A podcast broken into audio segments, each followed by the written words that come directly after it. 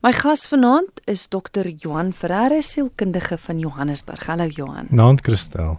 Johan, ons gesels vorige keer eintlik het ons oor oor digitale verslawing gesels, maar vanaand gaan ons nou meer in detail oor sosiale media verslawing gesels. Wat behels dit? Weet jy Christel, ons almal leef nou mos maar wel meeste van ons leef 'n um, deel van ons lewe aanlyn. So as jy ehm um, enigstens 'n aanlyn profiel het, ehm um, as jy op enige van die sosiale media platforms betrokke is op Facebook of Instagram of Twitter en jy kom agter dat jy meer en meer en meer tyd hier aanspandeer en dat jy eintlik dele van jou lewe begin afskeep om aan hierdie vorms van kommunikasie deel te neem, dan dink ek moet mens begin kyk na ehm um, hoe jy jou tyd rondom dit bestuur en wat jou emosionele reaksies is wanneer jy nou nie toegang daartoe het nie. So wat ons nou by baie mense sien is dat hulle hulle daaglikse aktiwiteite begin afskeep. Hulle wil nie noodwendig dit doen wat hulle gewoonlik sou doen nie. Hulle wil nou nie soveel tyd spandeer om kos te maak. Ehm um, kinders op te pas of jy weet um, noodwendig taakies rondom die huis te verrig nie. En dan sluip hulle so halfweg een kant toe waar dit stil is en daar spandeer hulle nou tyd op hulle slimfoon om te kyk wat op van die toepassings aangaan. Het iemand nou 'n foto van gehou wat ek wat ek opgelaai het? Hoeveel aandag het ek nou gekry? Wat doen my ander vriende? Lyk dit vir my of hulle lewe lekkerder is as myne? En dit neem dan eintlik 'n groter deel van jou lewe op as wat dit eintlik behoort te doen. Dan begin ons nou kyk dat daar moontlike verslawing by jou ontwikkel het. Dis eintlik 'n verskriklike alleenpad want ja, jy het baie vriende op sosiale media, maar jy het nie fisiese kontak met hulle nie en dit maak ook dat jy dan jou werklike verhoudinge met die mense in jou gesin, die regte mense, hmm. afskeep. Ja, dit is ongelukkig deel van hierdie dinamika wat ons nou sien. Ehm, um, jy weet in my spreekkamer is dit nou een van die hooftemas wat mense wat verhoudingsprobleme het, ehm um, daar opper is dat een of albei die partye meer tyd aanlyn spandeer op die sosiale media platforms as wat hulle nou eintlik tyd spandeer om met mekaar te gesels. En dit lei natuurlik ehm um, daartoe dat daar verhoudings ehm um, probleme ontstaan, ehm um, ons skep mekaar af. Ehm um, ons ons weet eintlik wat beter in die mense op ons sosiale media se lewe aangaan as wat ons noodwendig weet van die mense wat saam met ons in die huis bly. Die dilemma is is dat dit nou nogal neurologies baie verslawend is. Dit laat mens dit laat mens lekker voel. Dit laat jou voel dat jy koneksies met 'n klomp mense het wat jou eintlik dan verlei daarin om te dink dat jy sosiaal eintlik goed aangepas is. Nou, ons moet nou onthou nie almal wat aan sosiale media deelneem is noodwendig verslaaf nie. Mm. So jy weet as jy nou vandag al op Facebook was en jy het nou al 'n paar fotootjies gekyk en jy het nog gekyk wat doen jou vriende wat oor see bly Um, dit beteken dan nou nie jy's verslaaf nie. Dit beteken net jy gebruik die media om koneksie met mense te behou en koneksie met mense te maak. Dis wanneer jy dit ten koste van gesond en gebalanseerd leef doen dat ek tog wil waarsku dat jy dat jy na die omvang daarna moet kyk. Tja. Hier het vroeër 'n SMS deurgekom van 'n bekommerde ouma wat sê twee van my kleinkinders het van kleins af al begin met rekenaarspeletjies van dat vandag is hulle in hulle tienerjare en hulle het nie een gewoon daaraan geraak om mense in lewende lywe met hulle te kommunikeer nie. Ouers hmm. asseblief, moenie jou kinders toelaat om heeldag voor die rekenaar of op hulle selfone deur te bring nie. Ek wens ek kan dit vir hulle ouers sê, maar dan is ek in die moeilikheid. Ja, kyk dit is natuurlik nou 'n 'n meetbare dilemma. Ek dink ons het laas keer gesels oor die oor die aanlyn speletjies wat nou die jy weet as die omvang daarvan so toeneem dat jou lewe so disfunksioneel raak, dan kan mens nou eintlik 'n psigiatriese diagnose daaroor begin maak.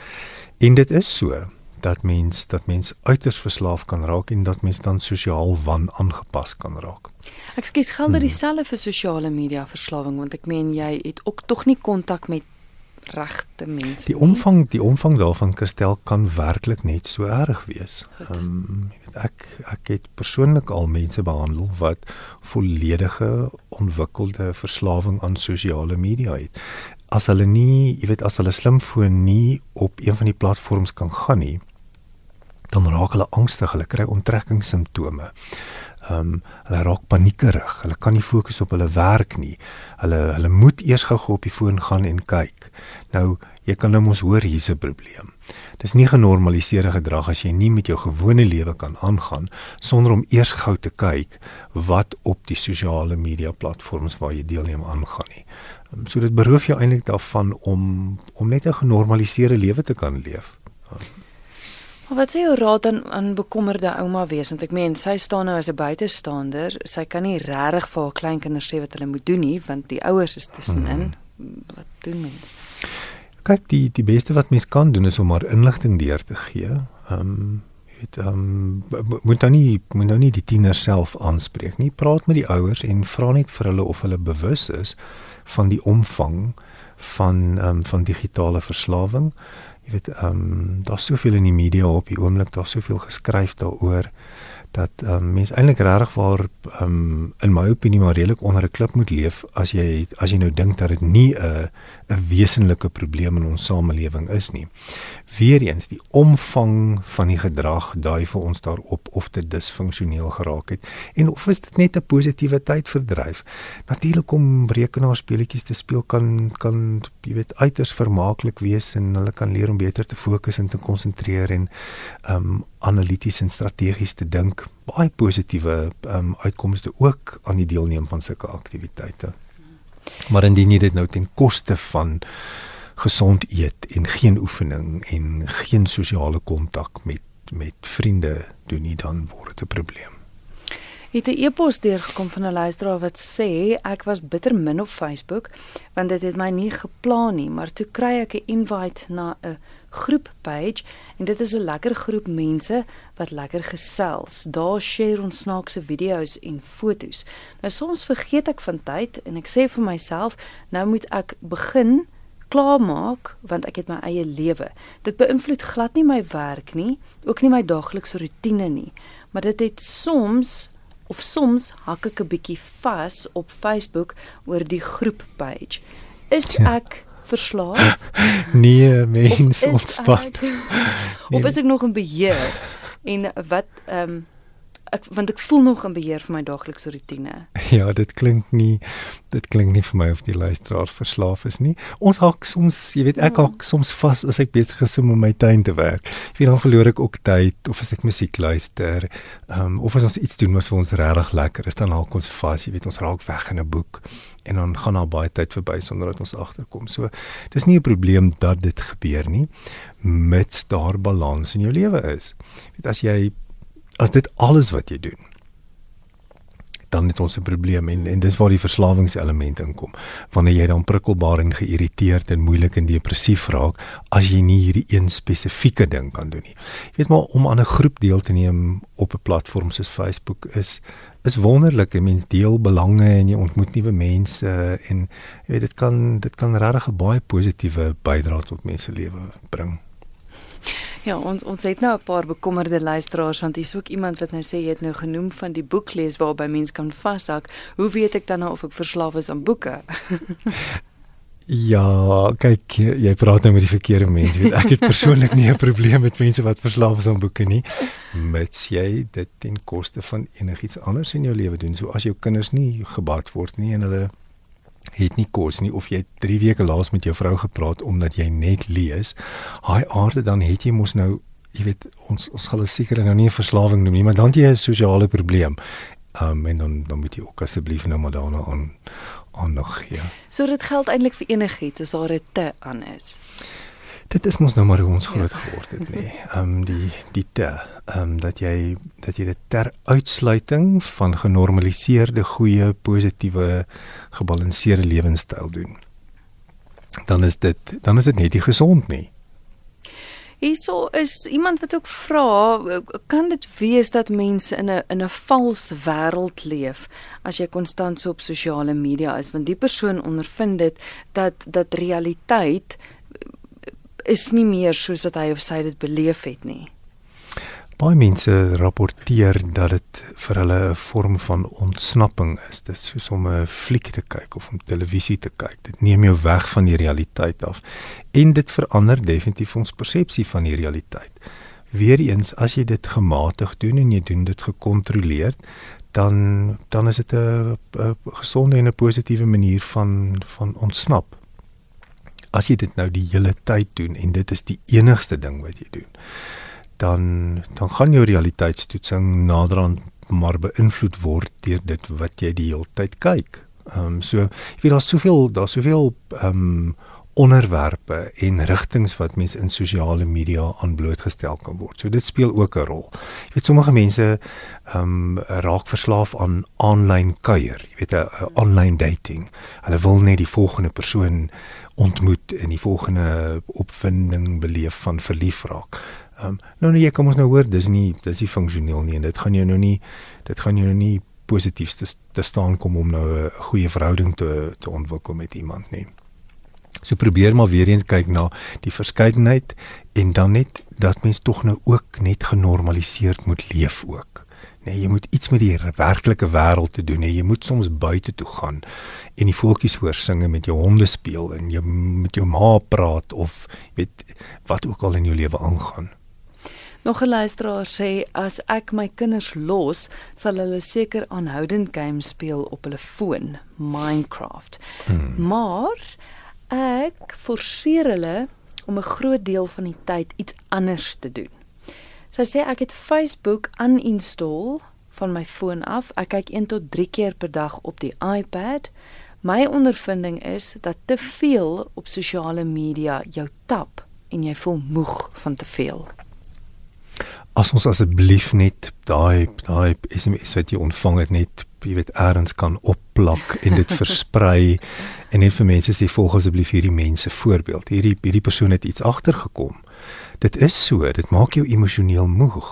Dit maak jou ook neurologies moeg, dit maak jou brein moeg want die die hoeveelheid stimulasie wat jy kry is geweldig hoog en daar's so baie verskeidenheid. Um, kinders is nie is nie volwasse genoeg om self te besluit nie hulle frontale lobbe ontwikkel nog tot tot hulle 25 jaar oud is. So hulle kan nie regtig al die tyd rasioneel dink oor is hierdie vir my goed of is dit vir my sleg nie. Al wat hulle weet is dit laat my baie lekker voel terwyl ek dit doen. Dit vermaak my. Ek hoef nie regtig waar veel vir my verbeelding te gebruik nie. Soms moet ek nou analitiese vermoë gebruik en dan dan is dit nou 'n bietjie meer opwindend, maar dis maar 'n baie spesifieke deel van ons brein wat geaktiveer word en en ons kan regtig verslaaf raak aan aan hoe dit ons laat voel en dan wil ons niks anders doen nie en niks anders is ook dan meer vir ons lekker nie. Hmm. Ek sal luister wat sê ek verskil van jou gas. Sosiale media laat my alles behalwe goed voel. Inteendeel, dit laat my net slegter voel oor myself en dit maak my uiters depressief.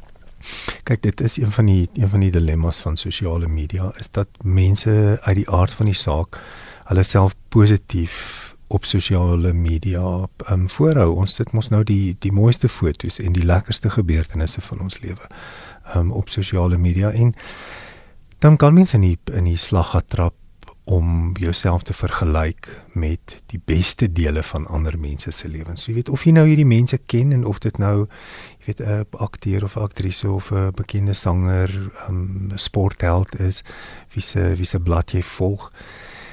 Om maar te onthou, jy weet, ehm um, dit is nie die hele storie wat op sosiale media uitgebeeld word nie. So dis baie gevaarlik om jou die inhoud van jou lewe wat jy nou uit die aard van die saak in totaliteit kan sien te vergelyk met 'n deeltjie wat iemand anders publiek wys. Hmm. Ehm um, dit is dis maar 'n bewussyn wat mens moet moet hou en net besef jy moenie jy moenie daar ek noem dit sommer die vloek van vergelyking. Jy weet daar's mos altyd iemand mooier, slimmer, beter, ryker, ouliker as jy.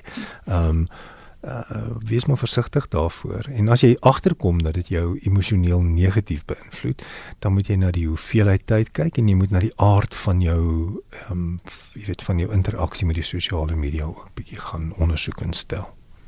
Ek gesels met die sielkundige dokter Johan Ferreira hier van Johannesburg en ons gesels oor sosiale media verslawing. Hier's 'n luisteraar wat sê: Goeienaand. Ek sal graag wil weet of my uitgawe per maand aan die datakostes en sosiale media enigstens 'n aanduiding van gevaartekens kan wees, omdat ek so baie geld aan data per maand spandeer en dit my finan finansies affekteer. Ek is seker sekerlik um oortuig daarvan dat mense dit as 'n aanduider kan gebruik. Um so as jy as jy meeste van jou data opgebruik op jou toestelle aan sosiale media um tyd en dit begin nou jou finansies negatief beïnvloed, dan het jy uit die aard van 'n finansiële uitdaging en dan moet jy dan nou gaan kyk na hoeveel tyd jy daar spandeer en as jy jouself nie gesanksioneer kry nie met ander woorde jy kry jou dit nie reg om met minder te doen nie dan is jy moontlik verslaaf. Ehm um, dis maar soos iemand wat te veel geld aan aan alkohol spandeer. Mm. En nou skielik agterkom, sjoe, maar ek kan dit nie meer bekostig nie. Jy kan 'n SMS stuur na 45770 45770 elkeen kos jou R1.50. E-posse kan ook gestuur word via ons webwerf rsg.co.za of skakel 089 1104553.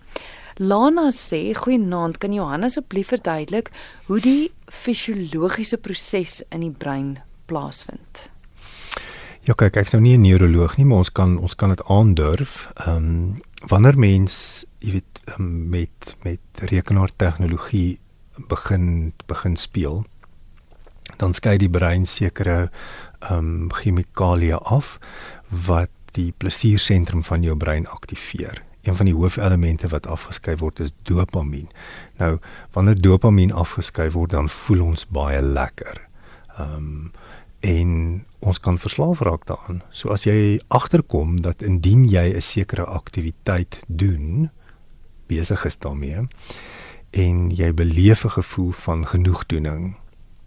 Jy's lekker ontspanne, dit laat jou dit laat jou net positief voel. Dan gaan jy dit mos nou weer doen.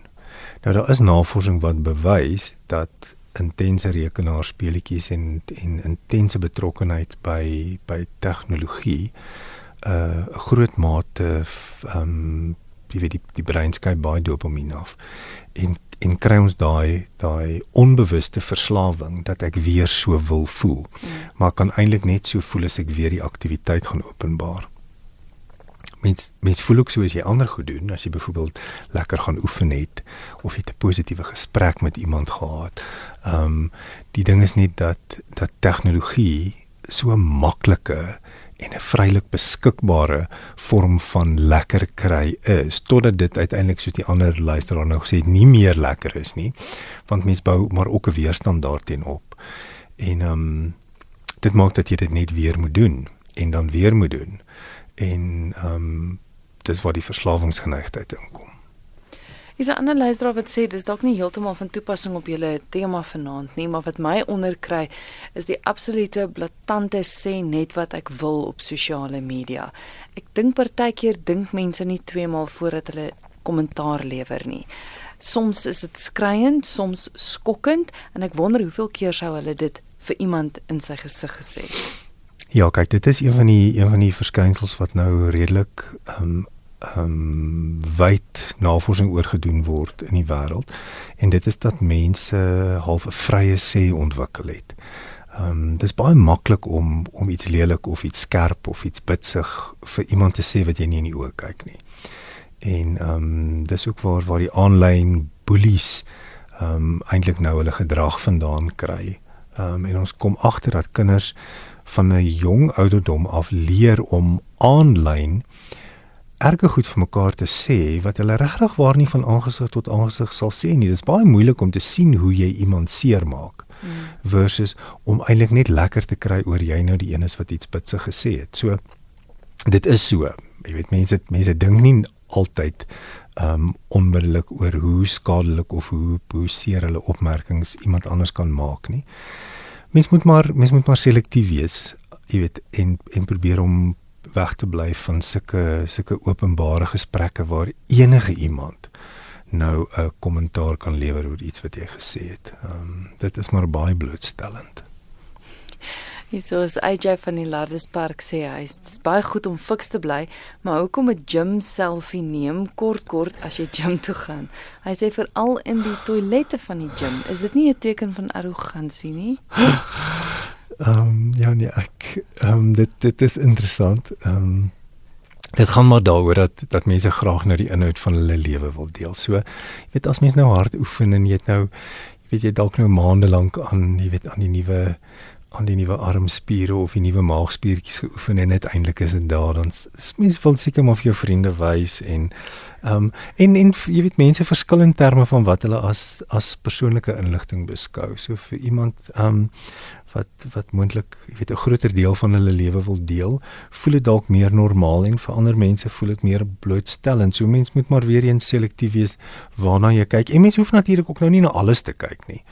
Ehm um, as jy sien iets gaan vir jou ongemaklik wees, moet jy maar moet jy maar verbyblaai en nie noodwendig dieper kyk nie. Soos nou baie goeie sussie. Sy sê Hallo oom, my naam is Andri. Ek is 17 en nogal geïnteresseerd in hierdie gesprek. My broer is ongeveer 8 tot 10 ure per dag op sy foon hmm. en luister nie as ek vir hom sê dat sy oë kan verswak nie. Doen dit werklik? en hoe gaan dit sy aandag en sy koördinasie aantas? Kyk ek het vanmiddag nou 'n klomp navorsing daaroor gelees en daar's daar's eintlik 'n groot klomp fisiologiese goed wat met jou liggaam gebeur wanneer mens werklik ehm um, verslaaf raak aan tegnologie nou 8 ure per dag as dit 8 ure aan een is dan klink dit natuurlik mos nou soos 'n verslawing want ek wonder wanneer doen die kind huiswerk of wanneer leer hy of wanneer gaan hy skool toe maar is nou nou vakansie op die oomblik. Ehm um, so wat ons sien is dat mense ehm um, jy weet mense ontwikkel ehm um, probleme met hulle vingers, hulle ont ontwikkel probleme met hulle hande, hulle polse, hulle gewrigte, hulle nekke en dan natuurlik nou hulle oë. Omdat hulle omdat hulle gewoon net soveel ure en ure en ure daaraan spandeer en eintlik nie iets anders doen nie. Mm. So dit is 'n ehm um, jy weet daar daar's genoeg mediese navorsing daar daar op om te bewys dat so 'n kroniese gebruik van van tegnologie uiteindelik definitief daartoe lei dat die liggaam skade skade opdoen. Ehm um, sy moet maar aanhou praat en dalk maar pa en ma se hulp in in kry. Ehm um, dalk net 'n bewussyn skep bietjie gaan lees oor oor ehm um, tegnologie verslawing. Ek weet sodat ouers net agterkom dat hulle net nie naïef is om te mm. dink jy weet dit is 'n dis 'n baie maklike en jy weet ontsnapping uit aktiewe ouerskap uit om vir 'n kind 'n iPad te gee of 'n televisie in hulle kamer te sit en te voel maar my kind is nou vermaak en besig. Maar jy skep eintlik 'n afhanklikheid. Ehm um, by jou kind so so ehm um, onbeperkte en ehm um, die toegang tot die internet wat nie wat nie dopgehou word nie is baie gevaarlik by kinders en tieners. En Andre, die program is beskikbaar as potgooi, so miskien kan jy hom vir jou broer aflaai. En dan kan luister. Nou hom luister. Ja. ja. Want hy luister duidelik nie na jou nie, miskien sal hy na die oom luister. Hierso is iemand wat sê goeienaand Kristel en gas, my kleindogter 8 jaar oud, sal liewer buite speel of saam met ouma in die tuin werk as om op haar tablet te werk. Baie dankie vir 'n goeie program. Ronel wat so sê. Nee, Ronel, jy doen definitief iets reg. Ons moet hulle verlei. Ons moet hulle verlei om weer buite te kom speel en as as die verleiding nou nie werk nie, as hulle klaar nou 'n bietjie verslaaf is, dan moet ons hulle maar dwing. Ehm um, en jy weet mense moet moeite doen. Jy moet sorg dat daar vir hulle aktiwiteite is. En dan moet jy die aktiwiteite saam met hulle doen, jy weet, soos soos in die dae van ouds. Um om werklik te sien.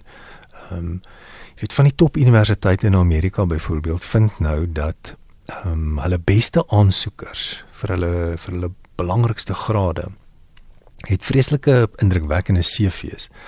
Maar hulle vind dat indien hulle hierdie mense nou tot die kursusse toelaat, dat hulle nie baie kreatief is nie en hulle begin dit nou te koppel aan die gebrek aan on, dat hierdie kinders nie ongestruktureerd meer speel nie. So ehm um, dis wonderlik dat hulle ehm um, sterk tegnologiese vaardighede het en ons moenie ons moenie die baba met die badwater uitgooi nie. Dit is belangrik dat ons dit sal hê in 2018. Maar ehm um, 'n ander stuk navorsing wat ek gelees het sê dit in die afgelope 10 jaar het kinders 12 ure per week vrye speltyd verloor omdat hulle so besig is. Nou dit lei daartoe dat hulle net nie meer kreatief kan dink nie, dat sekere dele van hulle breine nie ontwikkel nie en ehm um, dat dit hulle konsentrasie negatief beïnvloed en uiteindelik hulle prestasie ehm um, op skool en op universiteit negatief sal beïnvloed. So ek weet dit is moeilik en ons is almal besig en meeste ouers werk, maar ons moet tyd maak om hulle weg te kry van die tegnologie af en en ongestruktureerd buite te kan speel. Dit impliseer natuurlik dat jy ook van jou foon af moet klim. Ehm um, dit jy, jy moet maar die voorbeeld wees. Ja, ek wil net sê dit sluit aan by 'n SMS wat hier deurgekom het ook van iemand wat sê die ouers moet die voorbeeld wees. Jy kan nie van jou kind verwag om nie voor die rekenaar te sit of op die selfoon te wees as jy heeldag op jou selfoon is nie. Jy kan nie dit doen nie want dis die dis die voorbeeld wat hulle dan sien en dan het jy eintlik geen kredietwaardigheid om dit vir hulle te sê nie. So om om maar soos met alle verslawing te begin by jouself en te sê, goed, as ek my selfoon afskakel of my selfoon net nie vir myself beskikbaar stel nie, hoe laat dit my voel? Raak ek angstig? Raak ek prikkelbaar? Wil ek net gou-gou kyk of daar 'n e-pos deurgekom het? Wil ek net gou-gou 'n status update check? Dan moet jy self afvra hoekom. Ehm um, jy weet, is dit nou 'n saak van lewe en dood? Hoekom het ek nou hierdie behoefte om dit te doen? En dan sê jy agterkom maar daar's iets binne in jou wat jou dryf om dit te doen. Daar's geen noodsaak dat jy dit moet doen nie. Hmm. Ehm um, en dan maar om 'n om 'n om 'n proefneming te maak en te sê as ek in die aand by die huis kom en ek sit my selfoon af of ek sit dit op 'n plek waar ek hom nie kan sien nie. hoe lank vat dit my voor ek hom gaan soek om gou-gou te kyk? Ehm um, want ons behoort eintlik tegnologie vry vir 'n redelike hoeveelheid tyd in die dag te kan leef nê nee, om tegnologie vrye zones in jou huis te skep byvoorbeeld plekke waar daar nie selfone of tablets of rekenaars is nie net sodat ons weer kan voel hoe voel dit om net genormaliseer te leef Luisteraar sê my selfoon het definitief 'n probleem geraak. Nie net sosiale media nie, maar selfs iets soos my e-posse antwoord. Ek het alles van my foon afgehaal, my foon so gestel dat hy letterlik net kan bel. Nou dwing dit my om as ek wel wil weet wat aangaan, met die trappe op te stap na my rekenaar toe en te gaan hmm. kyk. Dit is hmm. vir my te veel moeite, so nou doen ek dit nie meer nie. Fantastiese strategie. Jy weet, moenie dit vir jouself so maklik maak en dan in die proses kaap jou slimfoon jou hele lewe nie. Daar is natuurlik die ongelooflike fenominale effektiewe knoppie op 'n slimfoon wat sommige mense glad nie weet hoe dit werk nie en dis die aan en af knoppie. Ehm um, weet dat dat daar sal mense gereeld in my spreekkamer sit wat dan net sal sê maar hulle het nog nooit van dit hulle hulle foon gekoop het om ooit afgesit nie. Hulle weet nie eens hoe nie, hulle weet nie wat die kode is nie. Want hulle sit hom nooit af nie. Ehm um, Sjokas. Ja nou. Hoekom op hierdie aarde sal jy jou lewe wil laat regeer? Deur 'n stuk tegnologie. Dit maak nie ons lewe in daai opsig maak dit nie jou lewe makliker nie. Dit kompliseer jou lewe. Jou lewe gaan verstop raak omdat jy dit so vol laai met al hierdie inligting wat dan nou vrylik na jou toe vloei. Nou dis nie 'n goeie situasie om te wees nie. Ja, luister na Geestesgesondheid elke Dinsdag aand net na 11. Is dit 'n program waar ek 'n gas het om raad te gee oor 'n spesifieke probleem. Vanaand gesels ons oor sosiale media verslawing en my gas is Dr. Johan Ferreira, sielkundige hier van Johannesburg. Kom ek kyk gou, dit lyk my ons het oproep. RSG goeienaand. Ah, oh, hartlike goeienaand aan julle almal. Uh, baie dankie vir die geleentheid. Uh my vraag is aan die geleerde uh hierdie ding van van uh, uh misbruik van selfone se uh, jy weet daai uh, uh wat jy nou van praat, né? Ja. Ehm uh, ek is dit nie 'n teenvoeter vir misbruik van dwelms nie. Ek sou graag by die uh geleerde wil hoor. Baie dankie. My naam is Gerard van Redersburg. Dankie Gerard, dankie vir die bel, hoor. Ja, dis 'n dis 'n dis 'n interessante idee. Ehm um, ek neem aan hy vra of ehm um, of of dink ons dat as mense hulle selfone meer gebruik dan sal hulle minder geneig wees om dwelmmiddels te misbruik. Ehm um, ek ek kan nou nie sê vir die navorsing hier nie. Ek um ek dink mense mense kies maar dit waaraan jy verslaaf raak. Ek dink nie noodwendig jou slimfoon gaan verhoed dat jy aan dwelmmiddels verslaaf raak nie, maar dit gaan jou definitief kan besig hou. En as jy dan nou seker minder verveeld is, um ongelukkig mense wat nou reeds aan dwelmmiddels verslaaf is, is dit nou nie 'n baie goeie teenvoeter om hulle te laat um te laat stop daarmee nie. Maar verveling en stres is maar die twee hoofsnellers vir mense om betrokke te raak by enige vorm van verslawing. So as jy jou stres sleg hanteer of as jy nie eintlik weet wat moet om met jouself te doen wanneer jy verveeld is nie, dan gaan jy op een of ander stadium een of ander vorm van verslawing ontwikkel. Die beste die beste teenvoeter is maar 'n gebalanseerde lewe. Ah.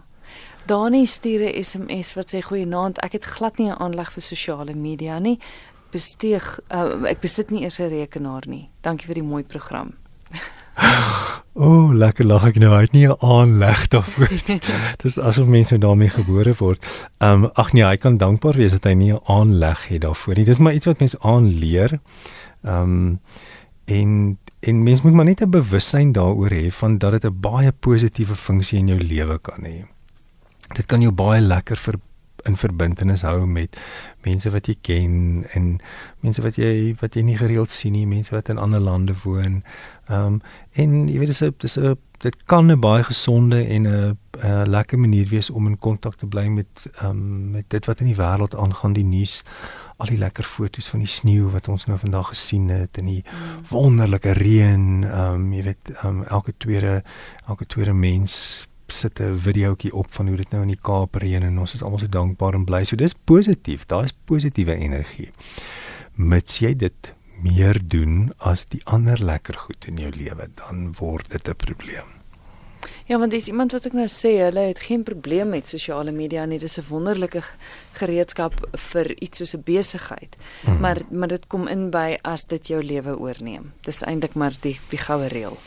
Ja, kyk wat ek wat ek ook in my praktyk sien is dat jy weet mense wat wat deur middel van van die sosiale media hulle besighede bemark, dat hulle dat hulle op op daardie platform verslaaf raak. So, jy weet hulle wil hulle wil hulle wil nou die advertensieveld tog dophou en dan elke 10 minute sit hulle gou die die die toepassing aan en dan kyk hulle maar jy weet hoeveel hoeveel mense het nou al my advertensie gesien en het iemand nou al gereageer en joh jong dit kaap jou gedagtes en dit vat jou eintlik weg daarvan om effektief met enigiets anders besig te wees.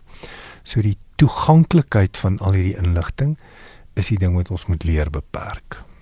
Kyk, ek dink ons het bepaal dat dit wel 'n probleem is. Hmm. Maar wat as jy nou as jy nou vanaand luister en besef goed ek het 'n probleem. Hmm. Wat wat doen jy dan daaraan? Jong, as enigiets van die negatiewe goed nou vanaand vir jou bekend klink, dan kan jy nou eers 'n eksperiment doen. So eers moet jy nou net sien of is dit so. So die manier om dit te doen is, vat die stimulus weg. Sit jou selfoon af en dan kyk jy hoe voel jy. Moenie jou rekenaar aansit nie en kyk hoe jy voel die emosie wat by jou gaan loskom, gaan vir jou 'n aanduider wees van of daar 'n probleem is of nie. So ek doen hierdie oefening baie keer met mense en dan dan stuur hulle nou 'n e-pos die volgende dag met groot opgewondenheid want dan het hulle nou die heerlikste aand van die hele jaar gehad. Hulle fone was af, hulle het 'n kersie aangesteek, hulle het iets lekker geëet. Hier's die oud sy vrou se mooi oë weer herontdek. Dit was dit fantasties lekker aan plaas hulle glad nie. Dan weet ons mos nou hier was nou nie 'n verslawing nie, hier was net 'n gewoonte. Ja. Jy het nie lui geraak. 'n Bietjie met jou vrou te gesels is net makliker om op jou selfoon te lê. Ongelukkig is daar nou die wat wat dan ongelooflik angstig raak jy weet regtig waar onttrekkingssimptome kry. Hulle bekommer hulle, ehm um, hulle kan nie op enigiets anders fokus nie. Ehm um, hulle slaap sleg. Ehm um, hulle hulle voel net hulle moet net gou-gou kyk en dan dan kry hulle nou hulle fix, dan voel hulle nou beter. Nou dan weet jy mos nou jy het 'n probleem. So dan moet jy jy weet in 'n in 'n proses ingaan om dit oor tyd minder te maak. Moet nou nie probeer om in een dag op te hou nie dit gaan jou net baie sleg laat voel en jou emosioneel ontstel. So om dan te sê goed. Ehm um, jy weet meeste slimfone het 'n het 'n toepassing waar jy waar jy net op klik en dan sê dit vir jou hoeveel minute het jy op watter toepassing vandag spandeer.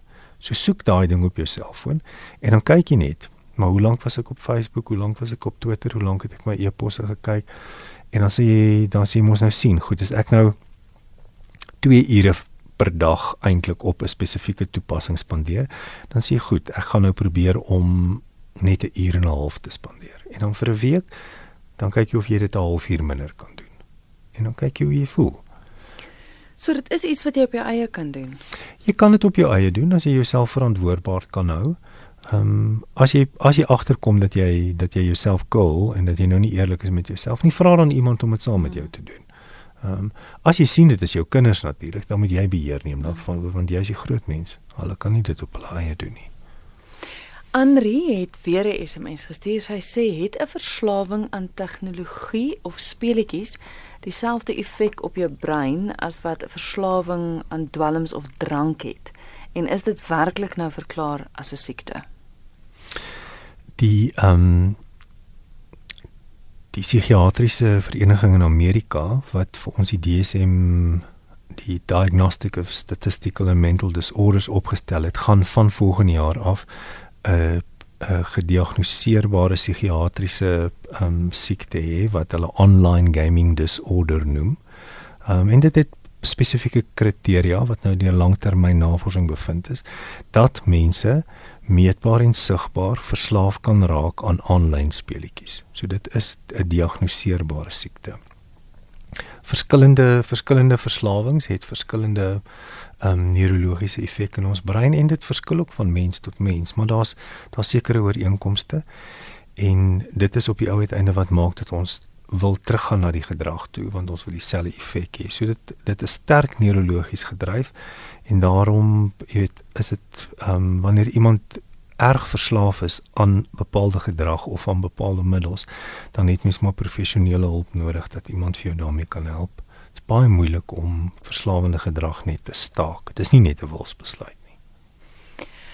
Kan mense jou kontak? Hulle kan, hulle kan vir my e-pos stuur by johanf@mosaic.com of hulle kan gaan kyk na ons aanlyn programme by www.hectolife.co.za. Hectolife. Ja, dis reg. Baie dankie vir die gesels. Dankie Christel. Dit is Dr. Johan Ferreira, hy is sielkundige van Johannesburg. Ons het vanaand gesels oor sosiale media verslawing. Hy's by Johan F by mosaik.com